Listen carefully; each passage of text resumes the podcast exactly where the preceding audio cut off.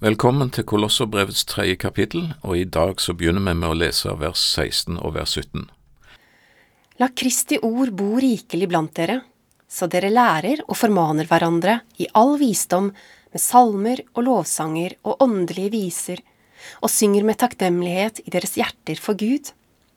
Og alt dere gjør, i ord eller gjerning, gjør det alt i Herren Jesu navn, med takk til Gud Fader ved ham. I dette kapittelet så snakker Paulus om forholdet i menigheten, eh, i familieliv og på arbeidsplass, og han er veldig konkret og praktisk i sine veiledninger. Det er interessant at nesten nøyaktig det samme avsnitt finner vi i Efeserbrevet, som jo ble skrevet og sendt samtidig med Kolosserbrevet. Nesten ord for ord mange plasser er disse avsnitt identiske. Forskjellen er innledningen til avsnittet, og det syns jeg er interessant, for her innledes dette avsnittet med orda La Kristi ord bo rikelig blant dere, så dere, osv. Efeserbrevet kapittel 5 vers 18 innleder avsnittet der på denne måten Bli fylt av Ånden, så dere, osv., osv. Og så fyller formaningene nesten ord for ord eh, ganske identiske, disse to brevene. Hva sier det oss? Det forteller at la Kristi ord bo rikelig blant dere, og bli fylt av Ånden er synonyme uttrykk. De sier det samme, bare med forskjellige ord. Når Kristi ord får rikelig plass blant oss, da blir vi fylt av Ånden. Åndens fylde er altså ordets fylde. Når Den hellige ånd fyller et menneske, skjer det ikke ut av ingenting, heller ikke ved bestemte øvelser eller åndelige teknikker, ikke ved føleri, men ved Kristi ord. La oss merke oss det. La oss fylle oss med Ordet, så Den hellige ånd kan fylle oss. La Kristi ord bo rikelig blant dere. Hva vil det si å bo rikelig? Ja, det motsatte må vel bli å bo fattigslig trangt og kummerlig. Så det er en fin oversettelse at la Kristi ord få rikelig plass hos dere. Paulus refser korinterne i deres eget hjerte. Der er det trangt. Utvid hjertene, skriver han. Er det trangt for ordet i mitt hjerte, så er det trangt for Jesus, for ordet er Kristi ord. La Kristi ord bo rikelig blant dere. Og når ordet får rom og plass, da forvandles vi. Kristus vinner skikkelse i oss. Det virker at vi får omsorg for hverandres åndelige liv, at vi lærer å formane hverandre i visdom, med salmer, lovsanger og åndelige viser. Det er veldig sannsynlig at det sikter spesielt til samlinger der Salmenes bok ble brukt som sangbok. Guds folk har alltid vært et syngende folk, og våre sanger skal fylles med bibelsk innhold og vekt. Det ligger i sammenhengen her. Våre sanger skal inneholde bibelsk sunn, både lære, veiledning, åndelig visdom og være Jesus-sentrert. Det gjelder salmer, lovsanger og viser. La Kristi ord bo rikelig blant dere, og i sangen. Og minne ordet oss om, syng ikke bare med leppene, men syng med takknemlighet i deres hjerter for Gud. Når Jesu ord får rom og plass, da forvandles vi. Alt dere gjør, i ord eller gjerning, gjør det alt i Herren Jesu navn, med takk. Vers 17. Luther har en liten replikk her om ektemenn som allerede på den tid ble hånledd av fordi de deltok i bleieskift. Hvem ler best her, spør Luther. Gud ler sammen med alle engler og hele skapelsen, altså en vennlig latter, ikke fordi mannen vasker bleier, men fordi han gjør det i tro. Alt dere gjør, i ord eller gjerning. Kristi ord virker takknemlighet hos oss, vers 16. Ordet virker takk til Gud, vers 17. Vær takknemlige, minnes vi om i vers 15. Utakknemlighet er absolutt ikke noe tegn på åndsfylde, og det er interessant at det greske ordet takk har sin rot i å springe ut av ordet nåde. Vårt takkeemne nummer én er den nåde Gud har gitt oss i Jesus. Så flytter Paulus over til familielivet og skal nå si noe til hustruer, ektemenn, barn, foreldre og oppdragere i de følgende vers. Men før vi stanser ved det, la oss først ta med at i Efeserbrevet, der vi altså finner det samme avsnittet, der har vi en tilleggsinnledning, en tilføyelse. La meg sitere Efeserbrev 5 vers 21.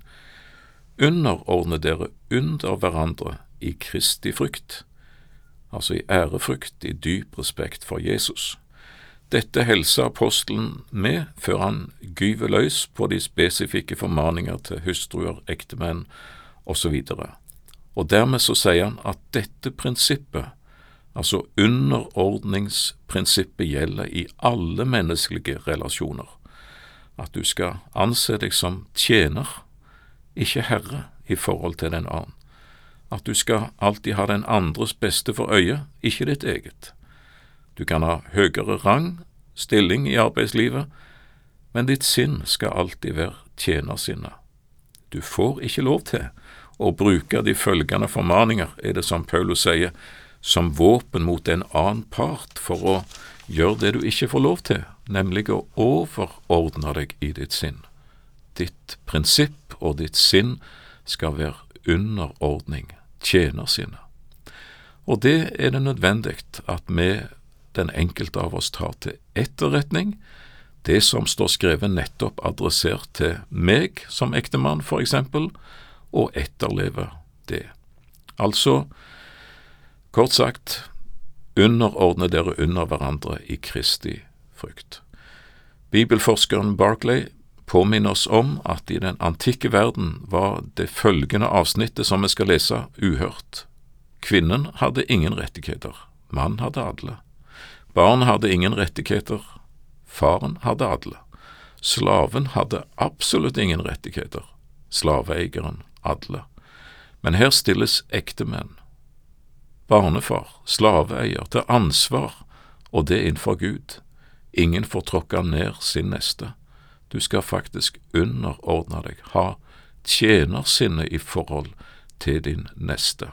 Så det er to prinsipper som gjelder i disse følgende formaning. For det første underordningsprinsippet, tjenerprinsippet. For det andre gjensidigheten det at uh, hustru står i et gjensidighet og i ansvarsforhold til sin ektemann, og en ektemann står i det samme ansvarsforhold i forhold til sin hustru, sånn at ikke disse formaninger misbrukes og bringer onde ting, for bruken gir velsignelse, og misbruket er farlig. Vi leser vers 18. Det er adressert eh, gifte kvinner. Hustruen får altså en ekstra påminnelse om å anse seg som tjener i forhold til sin ektemann, og stelle godt med sin ektefelle, rett og slett. Hun skal lære å elske sin mann, sier Titus 2 og vers 4. Det er interessant. Kjærlighet er altså mer enn en følelse, det har med vilje å gjøre.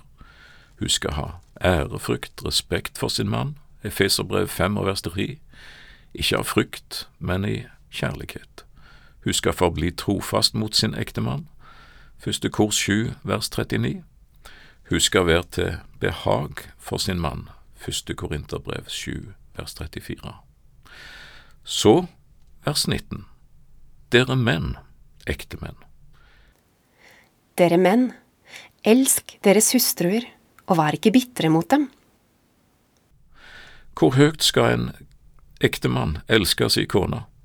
To svar fra parallellkapittelet i Efesebrev 5, først vers 33.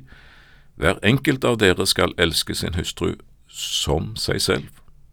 Så vers 25, som sikter enda høyere. Elsk deres hustruer, like som også Kristus elsket menigheten og gav seg selv for den. Store ord, elsk like høyt som Jesus elsker gi som Jesus ga. En mann skal altså være villig til å ofre og sette til side på vegne av sin kone. Underordningsprinsippet, tjener sine. En ektemann skal nære og varme si kone, Efeserbrev 5 og vers 29. Varme er definitivt viktig i et ekteskap. Han skal ære sin hustru, 1. Peter 3 og vers 7, og han skal tenke hvordan kan jeg være til glede for min hustru, 1. kors 7 og vers 33. Jeg vil tro at det ikke faller en hustru vanskelig å ha en respekt for en mann som strever å etterleve disse idealer. Så går vi over til vers 20. Dere barn, vær lydige mot deres foreldre i alle ting, for det er til behag for Herren. Foreldre som etterlever de idealer vi har lista opp ovenfor, de vil definitivt sine barn det beste, og foreldremyndighet er gudvilla, bruken av det, ikke misbruket. Vers 21, vi må ta det kort. Dere fedre, gjør ikke barna deres bitre, slik at de mister motet. Ulike bibeloversettelser sier gjør ikke livet utålelig, unngå å irritere, ikke overkorriger, ved stadig å finne feil, at de blir kuet, føler seg underlegne, blir forskremt, mister motet. Viktige påminnelser. Foreldre har autoritet, myndighet, i forhold til sine barn, men foreldrenes sinn, igjen, et tjenersinne, skal være det. Hva er barnets beste?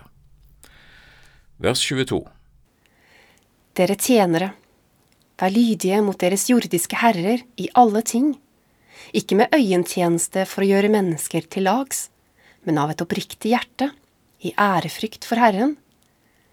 Det dere gjør, gjør det av hjertet, som for Herren og ikke for mennesker, for dere vet at dere skal få arven til vederlag av Herren. Tjen Herren Kristus. For den som gjør urett, skal få igjen for den uretten han gjorde, og det blir ikke gjort forskjell på folk. Dere tjenere, nå er vi flytta altså til arbeidsplassen, og i dag vil vi vel sagt dere arbeidstakere. Eh, kort sagt, vær lydige mot deres arbeidsgivere, ikke bare når arbeidsgiveren ser deg, men utfør ditt arbeid, ikke først og fremst for lønn, ikke først og fremst for din jordiske, men for din himmelske Herre, i respekt for Han og for Hans ansikt og til Hans ære. Ditt arbeid er din gudstjeneste. Så er vi over i kapittel fire og leser det første verset. Dere herrer, gjør det som rett og rimelig er mot deres tjenere, for dere vet at også dere har en Herre i himlene. I dag vil vi vel si dere arbeidsgivere, dere overordnede. Vær rettferdige, vær rimelige. Ordet betyr likhet på grunnteksten mot deres arbeidstakere, altså ikke ovenfra ned, men som din likeverdige, ditt medmenneske innenfor Herren. Din autoritet skal du bruke med tjenersinn og ikke med herskersinn. Når hver sin lekselærer vil, da står det godt i huset til, sa Luther om disse ord.